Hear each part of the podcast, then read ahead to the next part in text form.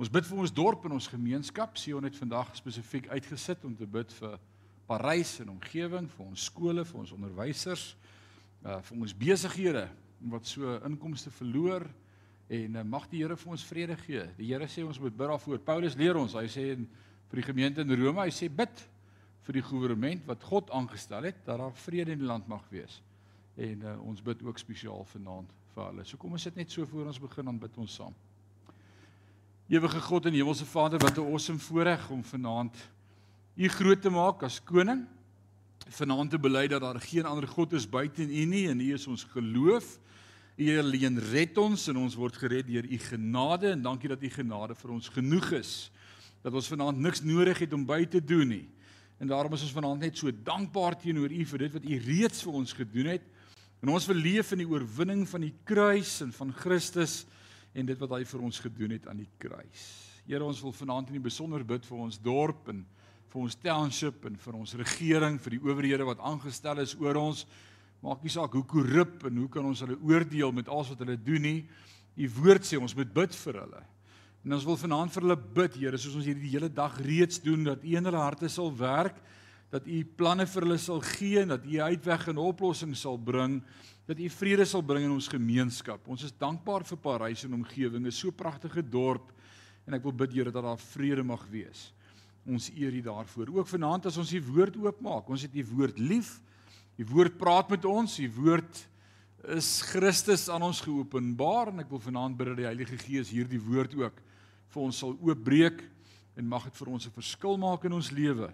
In Jesus naam en sê ons sê amen en amen. 1 Korintiërs hoofstuk 9. Man Korintiërs is 'n fenominale boek. En uh, as jy nie hier is nie, mis jy ook almal wat van die huis af op YouTube saam kyk.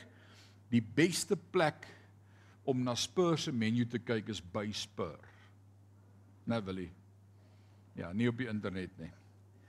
Dan as jy dan dan kan jy proe ook en ryk. So kom kerk toe. Onthou wat ons sover vir mekaar gesê het van hierdie boek Korinte en ons kan nie elke week voorbegin en recap nie. Uh maar 1 Korintiërs is in twee dele geskryf. Die eerste gedeelte van hoofstuk 1 tot 6 skryf Paulus om vir hulle 'n paar dinge wat hy van die gemeente te hoor het aan te spreek.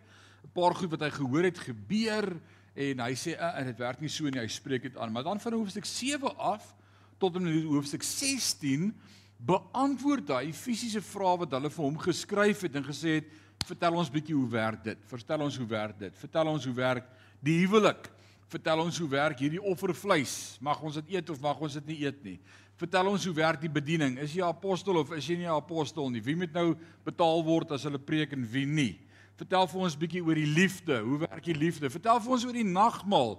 'n Paar broers kom dronk by die kerk aan daai oggend al en hulle al by die huis begin nagmaal gebruik. Is 'n interessante boek die. Hierdie was 'n rowwe gemeente, pastoor. Ek is die Here dankbaar ek was nie alle pastoor gewees nie. Of hulle sou my fire of ek almal. Uh so dis wat hy hier doen. Sistematies van hoofstuk 7 tot 16 antwoord hy dan nou vra en ons het laasweek vir mekaar gesê hy praat oor hierdie gedeelte oor die offervleis wat aan afgode geoffer is en dan sê Paulus Hey ouens, daar's nie 'n ander god buite God nie. Eer dit. Dis nice. Jy gaan dalk soeibrand kry, maar jy gaan nie hel toe gaan nie. Eer dit. Maar dis nie die vraag nie. Die vraag is nie of jy daarvan mag eet nie. Was dit 'n interessante talk laasweek nie? Dit gaan oor hoe voel jy teenoor jou naaste? Is jy lief vir hom? Liefde. Want as jy lief is vir ouens, gaan jy hulle nie wil upset nie. Jy gaan hulle nie wil aanstoot gee nie.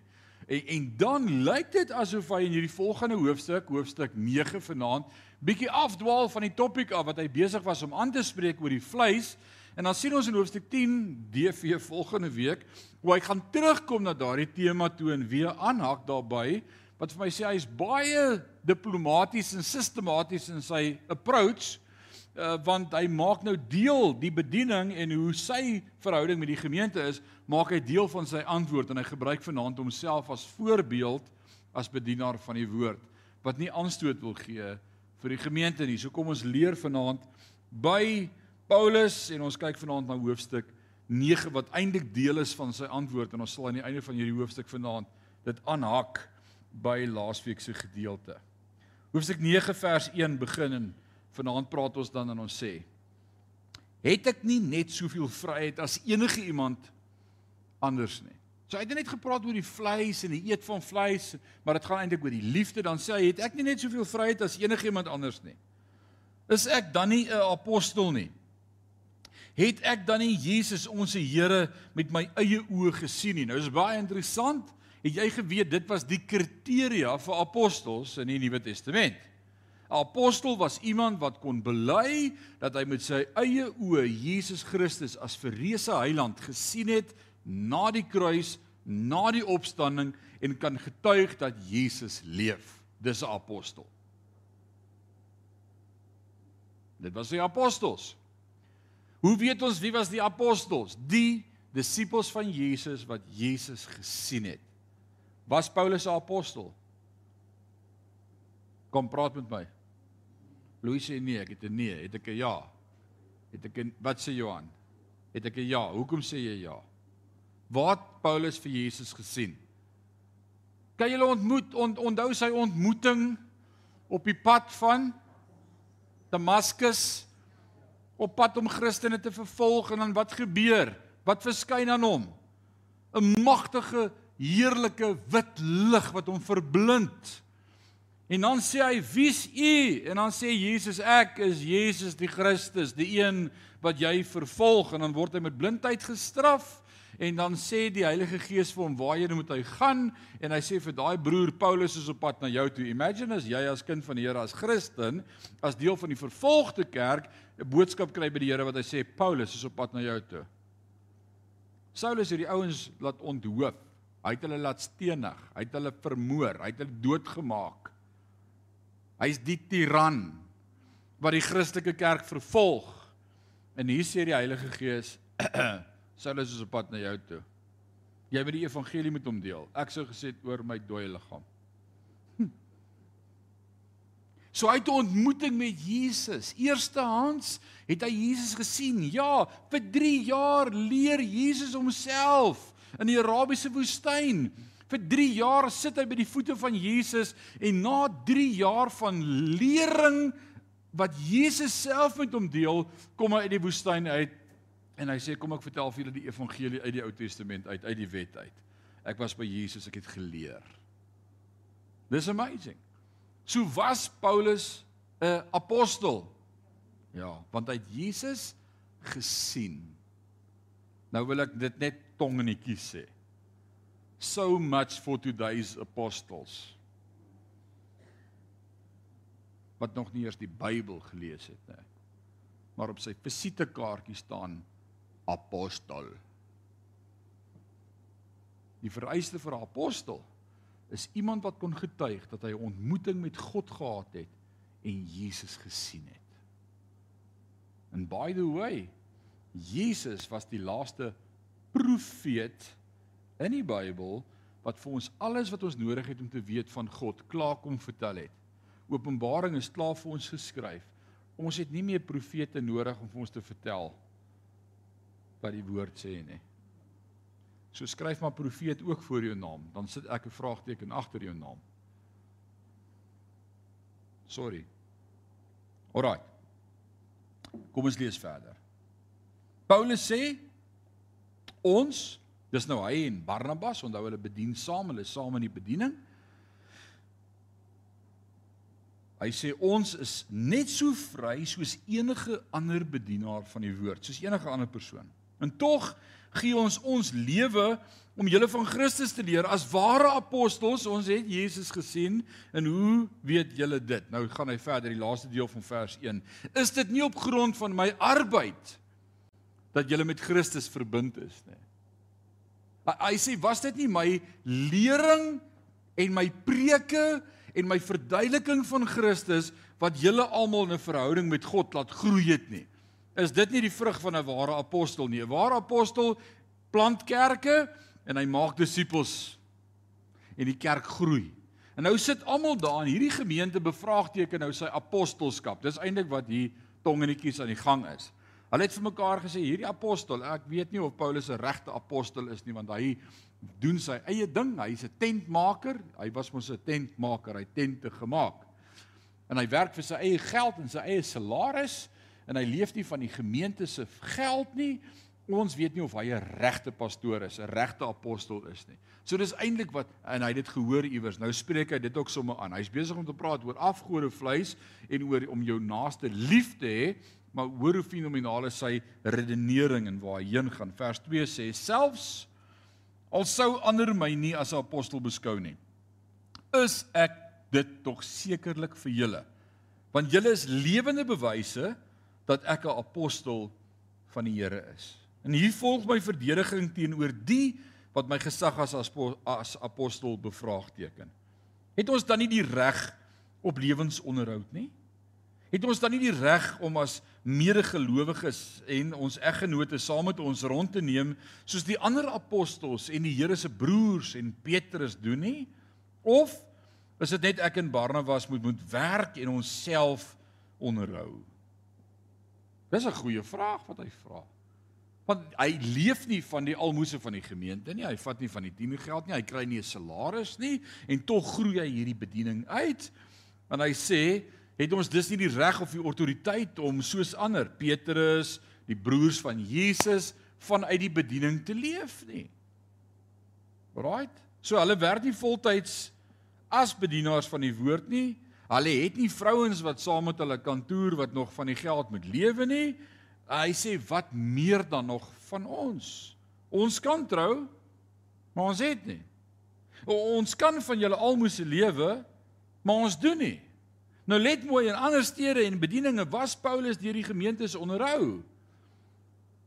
Toe hy in ander stede was in Efese en toe hy was in eh, in die gemeente in in Galasiërs en en daai gemeentes het vir hom gesorg. Maar in hierdie gemeente kom hy met 'n ander invalshoek en van die begin af toe hy in Korinte kom sê hy, "Uh uh, ek soek niks vir wat ek gaan doen nie. Ek gaan tent maak." Ek sê vir myself, kyk, moenie worry nie, maar ons hou kerk vanaand en hy's besig om hulle te bedien. So in Korinte was hy self onderhoudend en Paulus vind nie fout met hulle nie. Want dit is wat God bedoel het hoe die bediening moet werk en dis nou waaroor hy verder gaan praat. Wat sê vers 7? Watter soldaat moet ooit vir sy eie uitgawes betaal? Paulus vra het jy al ooit gehoor van 'n soldaat wat weermag toe gaan en as deel van sy oproep is daar so blokkie op die vorm wat sê bring jou eie R4 en genoeg ammunisie saam en sommer jou eie brown sok. As jy aan my toe kom. Wie van julle was in die weermag? Jy al van Swets gehoor? Of as jy lugmag aansoek doen om aan te sluit by die lugmag, dan sê hulle, "Fine, jy's goedgekeur, bring jou eie Mirage." Dis dan jy se kom jy gaan is om in die land se mirage te vlieg. Dis ongehoord. En nou vra Paulus, is dit hoe dit werk? Watter soldaat moet ooit vir sy uitgawes betaal? Het jy al ooit van iemand gehoor wat 'n wingerd plant en nie die reg het om van die druiwe te eet nie? Jy's 'n boer. Jy het jou eie winery, jy plant jou eie druiwe, maar jy mag nie van hulle eet nie. Regtig? Hy sê wie pas 'n trop vee op en mag nie van die melk drink nie. Hy sê dis ongehoord. As jy deel is van die saak en na die saak kyk, dan gebruik jy die voordeel van die saak. Is dit nie so nie? Dis mos hoe dit werk. Vers 8 sê en dis nie 'n bloot menslike opinie nie. Sê die wet nie ook dieselfde nie. Nou verwys hy terug na Deuteronomium 25 vers 4 en hy sê in die wet van Moses staan daar tog geskrywe nou quote hy hierdie gedeelte uit die Ou Testament uit hy sê moenie 'n os wat gaan dors verhinder om te vreet nie met ander woorde jy kan nie 'n os net laat werk die hele dag en nie vir hom kos gee nie dis onmenslik nou kyk hoe slim is hy as hy volgende vra hy sê dink julle God was net oor die osse begaan. Met ander woorde, dink julle regtig hierdie aanhaling uit Deuteronomium 25 vers 4 het regtig te doen net met osse wat besig is om die graan te maal?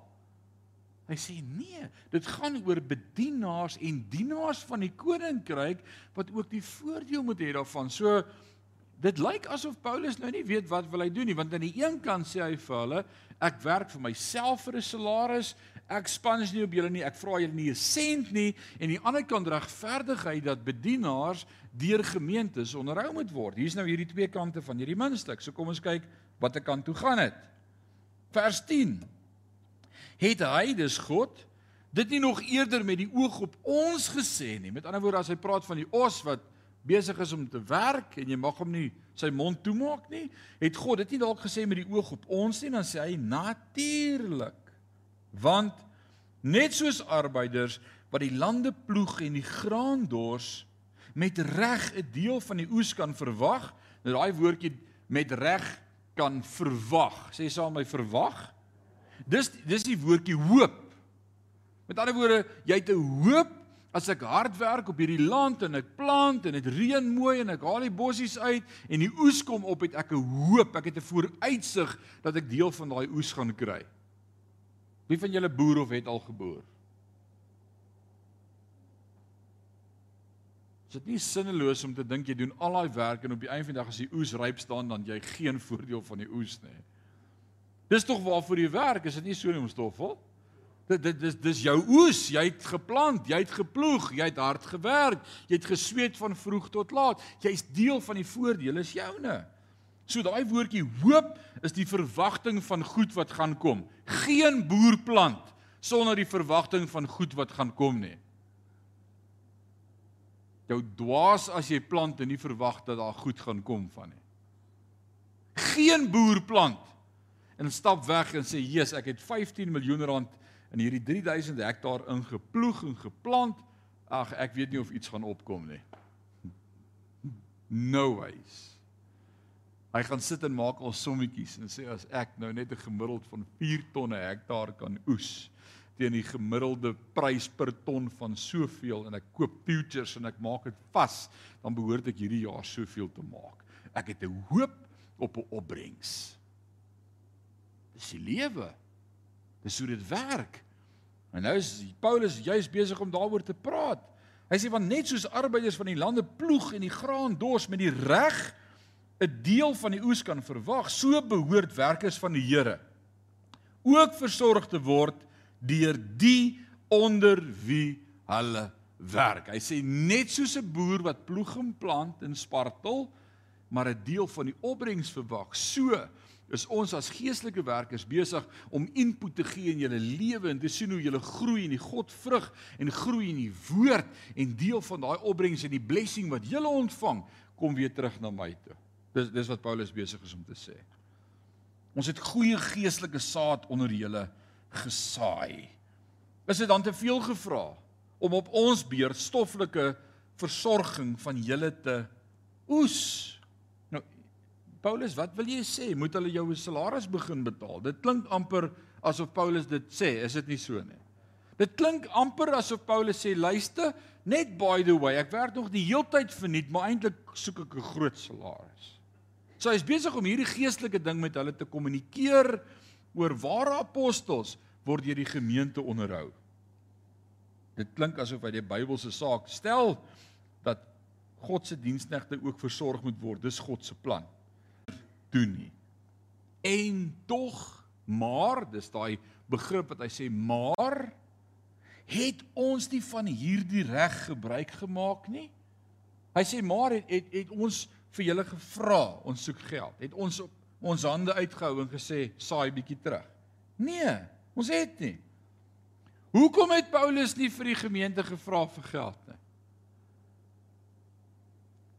Kom aan, antwoord my. Ons is by hoofstuk 9 wat volg op hoofstuk 8 en waaroor het hoofstuk 8 geëindig?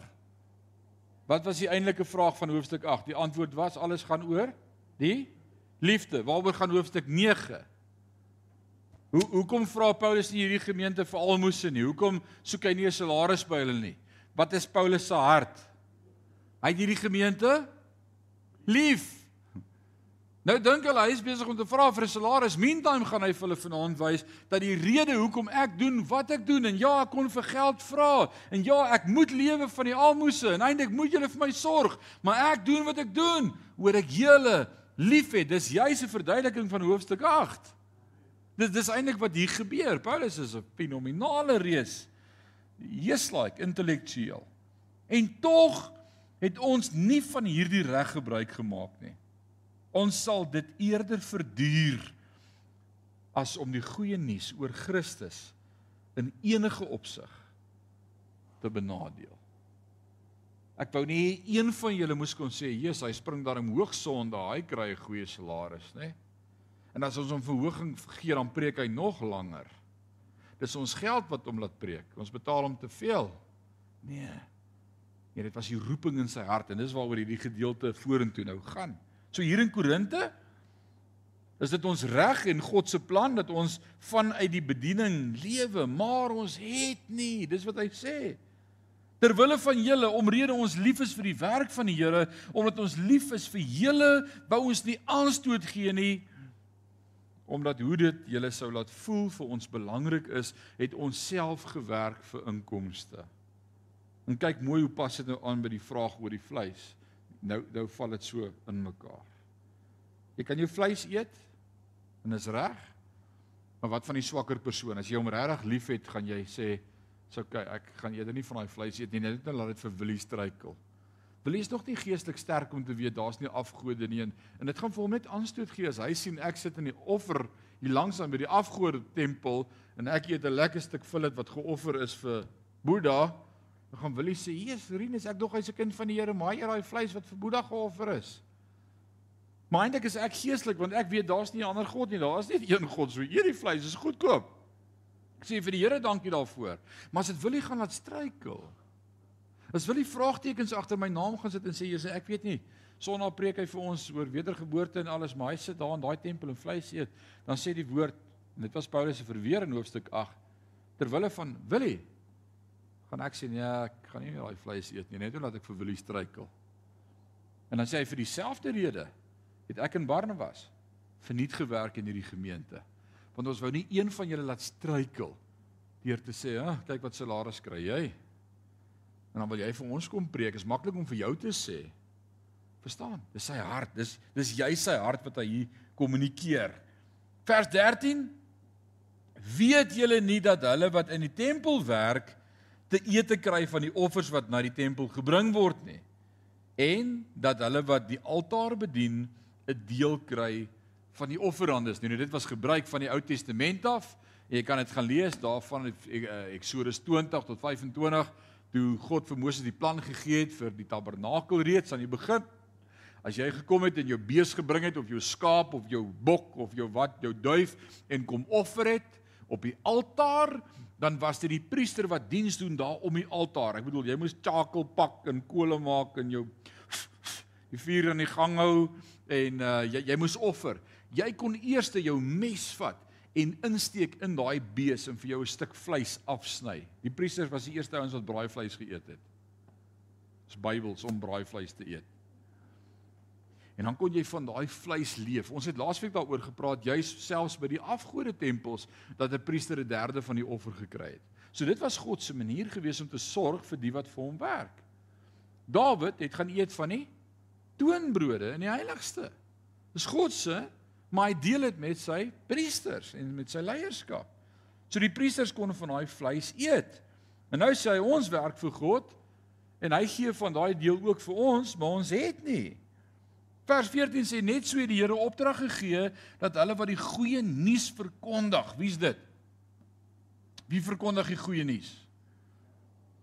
Die bedienaars van die woord, die ouens wat voorgaan, die die die apostels of die pastors of die pastore, die dominees.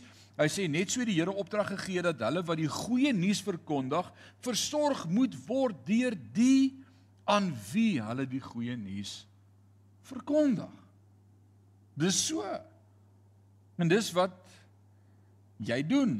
Jy werk vir God en dan sorg God vir jou. Nou sê hy maar vers 15 en tog het ek in geen opsig daarvan gebruik gemaak nie. Ek skryf hierdie dinge ook nie om te suggereer. Nou hier antwoord aan jou die vraag wat ons die hele aand het. Hm, soek hy nou 'n verhoging? Soek hy nou 'n permanente aanstelling? Skimp hy vir 'n salaris? Hier, hier kom Paulus, hy skryf dit vers 15. Ek skryf hierdie dinge ook nie om te suggereer dat dit nou met my moet gebeur nie. om die waarheid te sê, ek sterf eerder as om my daarop te beroem dat ek die goeie nuus kosteloos verkondig. Ek ek roem alleenlik in God en ek doen dit alleenlik vir God en ek wil nie dat een van julle vraag moet sit agter die motief hoekom ek dit doen nie. My motiewe is rein en skoon. Ek preek die evangelie sodat julle die voordeel daarvan kry. Ek kry nie die voordeel daarvan nie want ek het julle lief. En dis wat Paulus is om vir hulle te wys. Liefde. Liefde. As ek dit inderdaad die goeie nuus, as ek dan inderdaad die goeie nuus verkondig, is dit vir my geen besondere prestasie nie. Ek is verplig om dit te doen wie my as ek dit sou nalat. Wat wat sê hy? Hy sê dink jy ek deel die evangelie met julle omdat ek betaal word daarvoor? Ek doen dit want dit is my roeping. Hoe weet jy wat jou passie? Hoe weet jy wat jou passie? Die slim mense sê, dit wat jy bereid is om te doen vir die res van jou lewe sonder om 'n salaris daarvoor te kry, is jou passie. Louis, wat is jou passie? Hy skoon maak. Wat sê jy? wat is jy bereid om vir die res van jou lewe te doen al kry jy nie geld daarvoor nie, maar dit is vir jou lekker. Wat is jou passie? Sandra, wat is jou passie? Weet jy? Jong manne daar agter, wat is julle passie? Wat is jy bereid om vir die res van jou lewe te doen al kry jy nie geld daarvoor nie?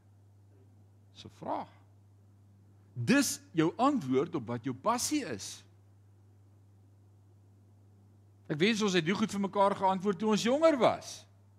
Want baie van ons is opgevang in 'n stelsel waar jy doen wat jy doen want is geld op die tafel en is brood op die tafel en dis brood en botter en jy moet dit nou maar doen maar jou hart is nie in dit nie, dis nie jou passie nie. En ons sit met ongelukkige mense wat in stelsels is waar hulle nie wil wees nie, maar hulle kan nie daar uit nie.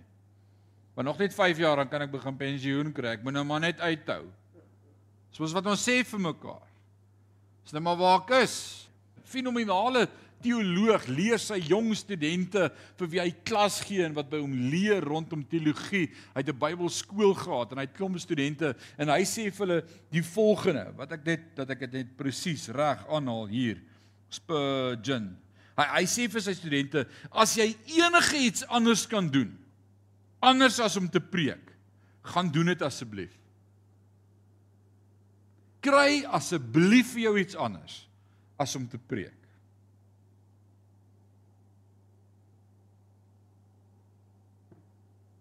Goeie raad aan jong manne. Prediking is nie 'n beroep nie. Dis 'n roeping. En as jy nie van die roeping van die Here op jou lewe het om in die bediening te wees nie, gaan jy een daarvan 'n gemors maak en twee, as dit moeilik gaan, gaan jy vraagtekens sit en vra nou waar's die Here? Daar was tye in ons lewe in gemeentes waar dit so ellendig gegaan het finansiëel dat ek vir die gemeente gesê het moenie my die maand die salaris betaal nie, dis oukei. Okay. En wat die Here ons deurdra en vir ons sorg. Lekker? Nee. Kan ek iets anders gaan doen? Ek kan dalk. Maar is my passie. Ek is geroep vir die bediening. Dis al wat ek wil doen is om vir die Here te werk. En dis wat Paulus kommunikeer met hierdie gehoor van hom. Jeremia het dit beleef. Jeremia kom in Jeremia 20 en hy praat met die volk en hy sê ek het genoeg gehad van julle. Ek wil vir julle niks weer sê nie en ek wil julle nie sien nie. Ek gaan in 'n gat sit en ek wil niks hoor van julle nie. Ek is moeg vir julle. I had it. Julle wederstrewige klomp, julle wil nie hoor wat die Here sê nie ek is klaar met julle. Dan gaan sit hy in die gat en dan na so 'n paar dae dan begin hy sê hier's iets binne in my wat brand. My bene is aan die brand. Hier's iets binne in my hart. Ek kan nou nie meer verder stil bly nie. Jerusalem, kom laat ek vir julle profeteer wat sê die Here. Want is 'n roeping. Dis 'n roeping. Right. En dis wat Paulus hieroor praat. Dit beteken nie as jy geroep is dat jy heilig is of volmaak is of sonder gebrek is nie. Dit beteken net God het jou geroep om te gebruik. En by the way, hier's jou jou nuus vir vanaand. Elkeen van ons is geroep om 'n spreekbuis te wees deur wie God kan praat. Elkeen. En hoe weet ek dit? As God Biliam se donkie kon gebruik, kan hy jou gebruik.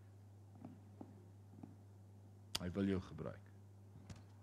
Maar wat jy moet sê, hier is ek, Here. Gebruik my.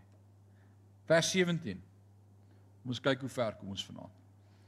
Hy sê as ek dit uit vrye wil sou doen, sou ek op vergoeding kon aanspraak maak. Maar as ek dit nie uit vrye wil wil doen nie, dan staan die saak heeltemal anders. En dit is inderdaad die geval. God het 'n bestuurstaak aan my toevertrou. Ek is nie hier omdat ek wou geld maak uit julle uit nie. God het gesê ek moet hier wees. En ek dink dat iemand wat geroep is vir die bediening se lewe, is dit die dryf. God het gesê ek moet hier wees.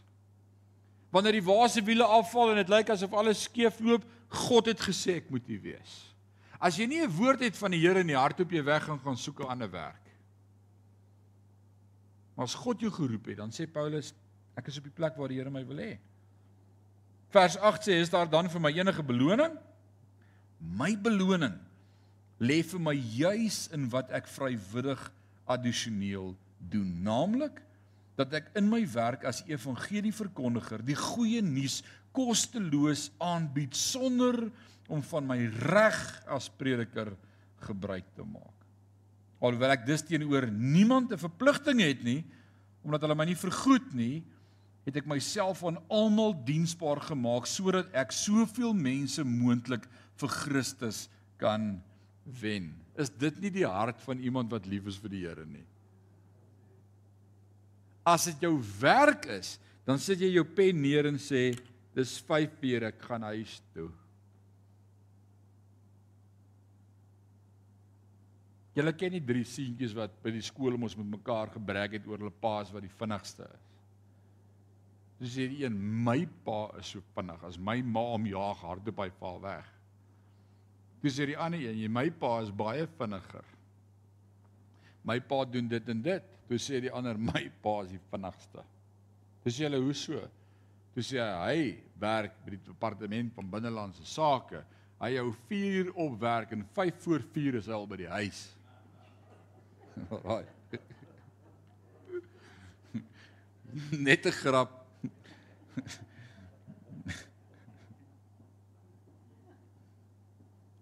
As dit jou werk is, sit jou werk neer en stap weg. As dit jou roeping is, dan is dit jou passie en dis jou saak en dit raak deel van jou lewe en dit raak deel van wie jy is. Jy kan dit nie afsny en net los nie. It's part of your life. Dis 'n roeping. Hy sê ek sou kon vry wees oor wat ander sê en dink, maar al wat ek kan doen is om God te verkondig en hulle te red vir Jesus Christus. Nie nie nie om my bediening te ondersteun nie. Ek maak nie disippels sodat hulle kan begin geld gee vir my nie. Ek wil hulle by God uitkry.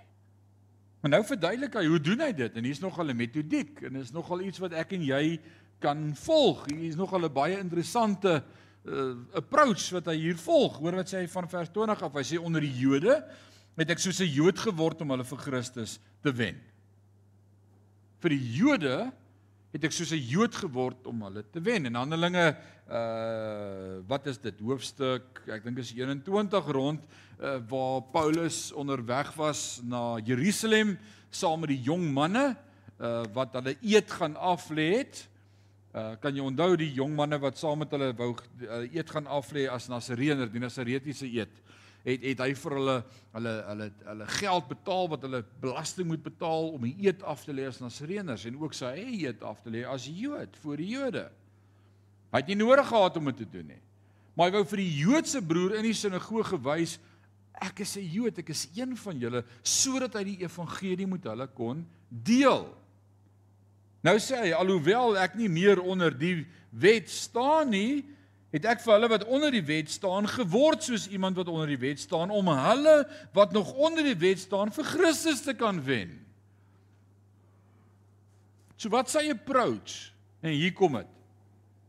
Jy wen nie iemand vir die Here deur vir hom te wys hy's verkeerd en hom te offend nie.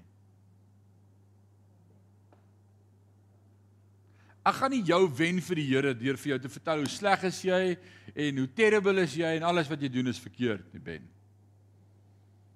Ek gaan jou vir die Here wen deur jou pel te word en saam met jou hart te werk en saam met jou rond te ry en soos jou te word en oor jou goed te praat wat vir jou belangrik is sodat jy naderhand voel maar hier's 'n vriend wat regtig omgee vir my en naderhand maak jy oop en sê hoor Irinus wat het jy in jou lewe wat anders is as ek want ek het die Here nodig. En dis wat Paulus sê, dis dis was my approach. Ek sê nie doen sonde nie. Ek sê nie gaan sit in die pub en drink saam met die ou wat wil drink nie. Maar deur om te judge en vir hom te vertel hy's op pad hel toe, turn or burn was nooit Jesus se approach nie. Dit was nie een van die disippels se approach gewees in die Nuwe Testament nie. But they bestowed love, wat het liefde uitgestort en gesê, want so lief het God die wêreld gehad. God se liefde is vir jou genoeg. Maar het jou lief genoeg om nie so te los nie, maar te verander. So vir die Jood het hy soos 'n Jood geword. Dit beteken nie hy's 'n people's pleaser nie. Glad nie. Maar deur mense aanstoot te gee, gaan jy nie vir die Here wen nie. Wie het al daai approach getraai om mense te offend? Kom aan, jy het al ouens offend. Het dit gewerk? Het hulle verloor? Jy het nie offend ouens nie. Ek gaan nie disippels maak van 'n sekere groep ouens as ek instap en vertel julle is almal op pad hel toe, nê?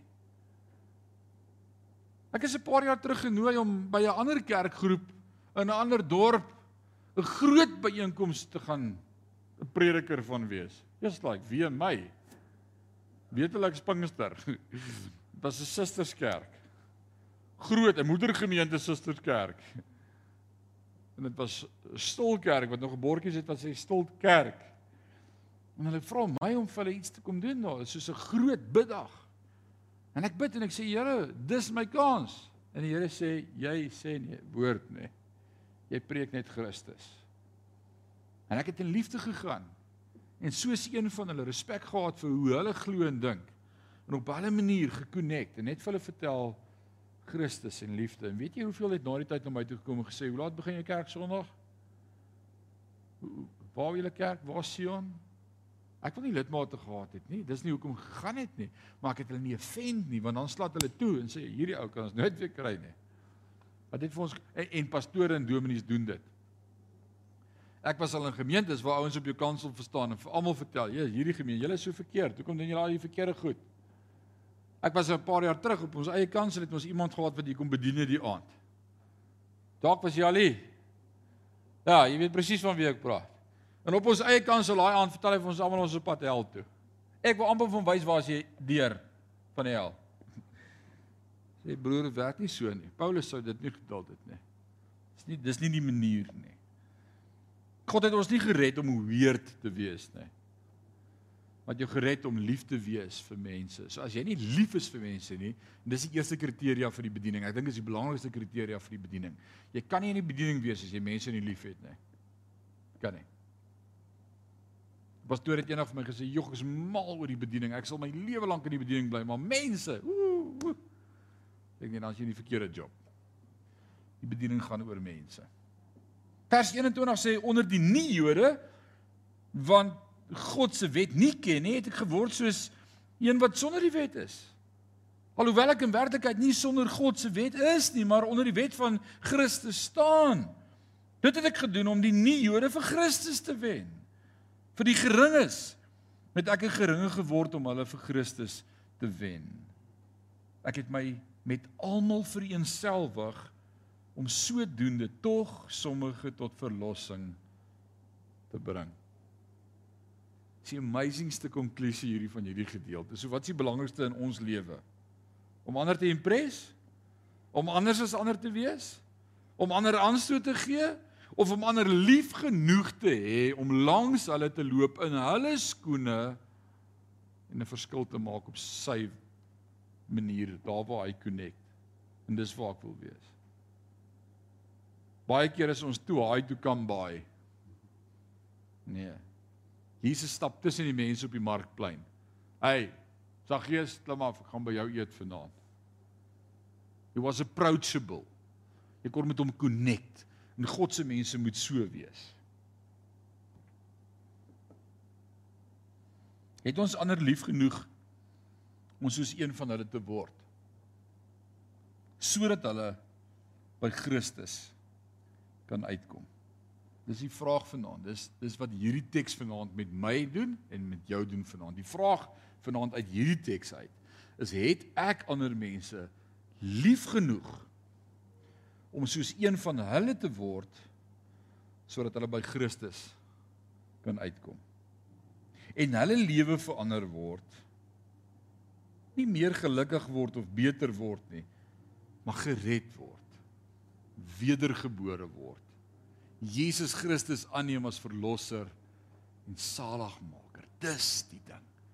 We don't want pe people to have better lives and feel better about themselves and smile and enjoy life more. Daar's genoeg boeke oor hoe om beter te voel. En as dit nie werk nie, is daar dokters wat vir jou pille ook gee om beter te voel. Dis nie wat ons doen nie.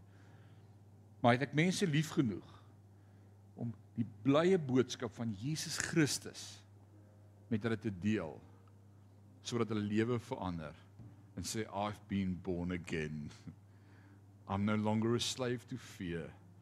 I'm a child of God. Dis die lewe. Kom ons maak klaar.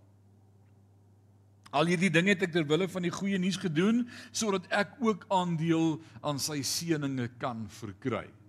Dis beautiful van die bediening.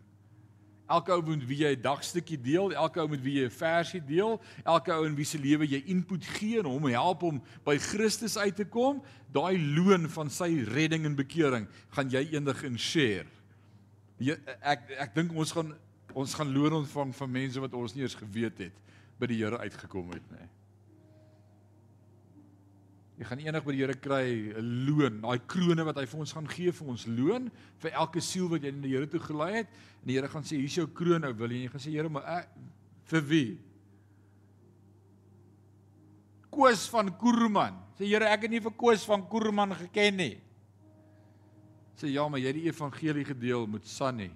En Sunny het Koos na die na my toe gelei. Dis deel van jou loon.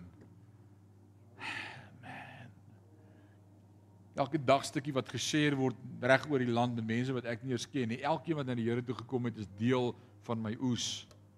En weet jy wat is nie 'n deel van my oes nie? Ou Grant wat die slides tik en Lisel wat die slides kies en die, en en die een wat die slides elke so, elke oggend 5 uur uitstuur, is elkeen deel van 'n span wat 'n verskil maak. This amazing. God deel, man, this amazing. Vers 24. Onthou Daar hardloop baie atlete op die baan, maar net een ontvang die prys. Nou Korinte was 'n stad wat twee keer 'n jaar groot uh 'n groot wedloop gehad het. Hulle was 'n sportiewe stad. En dan die ouens gehardloop en net die wenner kry 'n loon. Net die wenner. In 'n bokskruit, hoeveel kan wen? net een. En op 'n wedloop, hoeveel kan eerste kom? Net een. En dan was dit 'n verwelklike kroon wat jy ontvang het. Dit was daai loerierkransie, daai ou gevlegte kransie met die olyftakkies en die ou blaartjies en as jy gelukkig was, was daar tot 'n olyf wat jy kon eet. Nee, jy moet eers deur die proses gaan om geweek te word. Maar daai ou takkie het na 'n week of twee het hy verlep. Want hy gelyk soos hulle selfse rykers wat sy hier in die bidkamer het met daai eukaliptusblare wat al kirkdroog is. Sy ding is baie nice. Hierdie pastoor is lief daarvoor. Hy like vars groen goed. Eucalyptus blare. Nee man. In elk geval. Dit het verwelk. En nou gebruik Paulus hierdie metafoor as hy die volgende sê. Hy sê onthou daar hardloop baie atlete op die baan, maar net een ontvang die prys. Hardloop sodat jy die prys sal ontvang. Dis die manier hoe ek en jy wil hoe hoe lewe jy jou lewe? Atti, jy kan nie van my wegkruip nie. Hoe lewe jy jou lewe? Hoe hoe loop jy jou wedloop elke dag wanneer jy met kliënte werk? Probeer die beste wees wat jy kan wees. Is dit hoe ons ons pad hardloop, ouens? Is dit die manier hoe ons besigheid doen? Is is dit die manier hoe ek klas gee? Is is dit die manier hoe ek preek? Is dit die manier hoe ek wat ook al ek doen doen? Dis ek is die beste. Ek gaan die eerste prys kry. Hoe lê ek worship? Ek is die musikant van die jaar. Ek is, ek wil die eerste plek kry. Ek wil my beste gee want ek doen dit vir God. Dis wat Paulus hier sê. Hy sê wat julle doen, hardloop sodat julle die die prys sal ontvang. Die watter prys? Die eerste prys. Ek is man van die jaar in my huis. Jy's vrou van die jaar in jou huis. Kinders, Jy is kind van die jaar, die beste kind wat daar kan wees. Jy luister vir jou pa en jou ma, jy sê, "Yes pa, jy het gesê dis wat ek doen, ek doen dit. Ek is die beste. Dis hoe ek hardloop. Ek gee my beste." Hier's 'n lekker preek. Jy het gedink jy aans verby. Hier kom die preek nou eers. Doen jy wat jy doen? Dis my beste. Dis die beste version van my wat daar is. Dis die vriendelikste kant vir my wat jy gaan kry. Ek kan nie vriendeliker wees nie. Ek kan nie nicer wees nie. Hier's ek. Verleef jy net as hierdie dag net kan verbykom. Môre nog 'n dag. Hierdie week is te lank. Wens sal naweek. Genade, gemens kan dit hou nie. Is dit jou beste? Paulus gee sy lewe En onthou Paulus se storie, hy's geslaan met stokke, hy's vir dood gelos, hy's in 'n pot kookolie gedoop op 'n stadium, hy's twee keer gestenig, hulle het hom skipbreek laat lê, hy het verdrink amper 'n paar keer, hulle het hom kaal uitgetrek, met stokke geslaan, 'n paar keer gegeesel en elke keer sê hy, ek gaan beter wees. Ek gaan nie laat hierdie goed my onderkry nie. Ek gaan nie laat dit my breek nie. Hy kon lankal sê, die bediening, ek's klaar met die bediening. Hulle verniele mens. Maar hy sê nee, ek gaan beter wees. Ek hardloop om die eerste plek te ontvang. En al die deelnemers pas absolute dissipline toe. Hier hier kom hy nou bietjie nou uit hierso.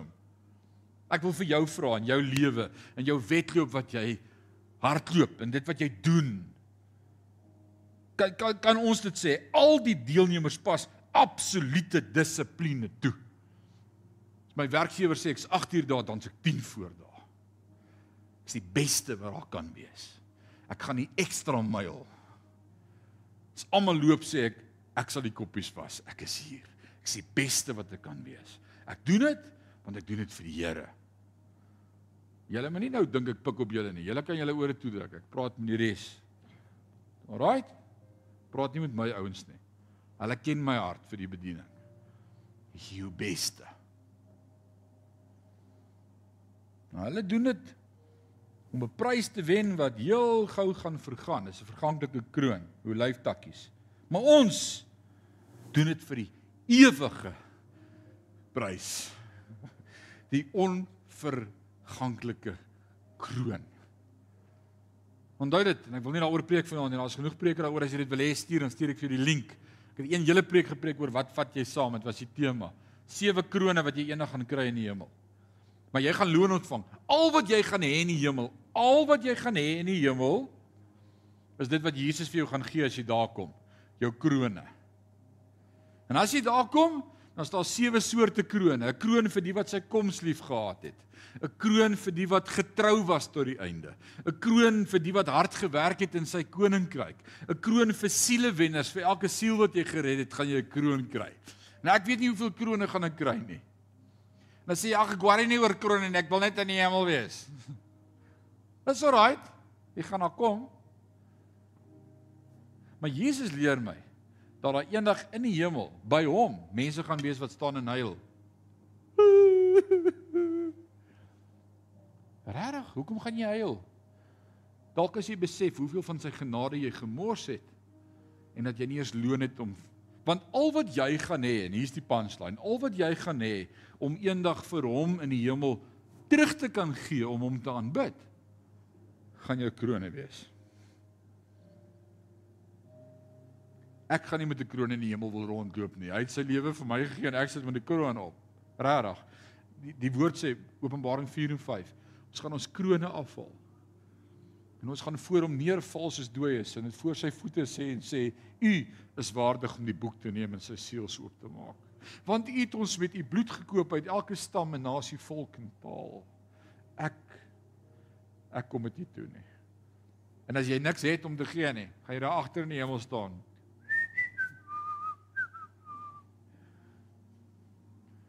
Wens ek het iets gehad om vir hom te gee. Maar ek het nie. Hy sê ons hardloop om 'n ewige prys te kry. Daarom pyl ek reguit op die wenpaal af, doelgerig met elke tree wat ek gee. Kan ek en jy dit sê vanaand? Elke besluit, elke optrede, elke tree wat ek gee, is doelgerig. Ek het daaroor gedink, ek het gedink voor ek praat, ek het gedink voor ek doen, dis my beste. Dis my beste tree. Dis wat Paulus sê. Ek is soos 'n bokser wat met elke hou tref. Hoe was jou dag? Ag, so so, waste. Kom net sowel by die huis gebly het. Het geleenthede gemis om die evangelie met mense te deel wat dit so nodig gehad het. Jy het 'n dag gemors omdat jy so gefokus was op jou eie lewe en jou eie hoe ek voel en hoe ek dink jy waste was. Paulus sê elke hou tref. Ek brei my liggaam en dissiplineer dit om werklik bruikbaar te wees. Is hier's 'n preek op sy eie, Johan? Is dit dis 'n dis 'n dis 'n reeks tema hierdie. Ek brei my liggaam om dissiplineer dit om werklik bruikbaar te wees en dan sluit hy af.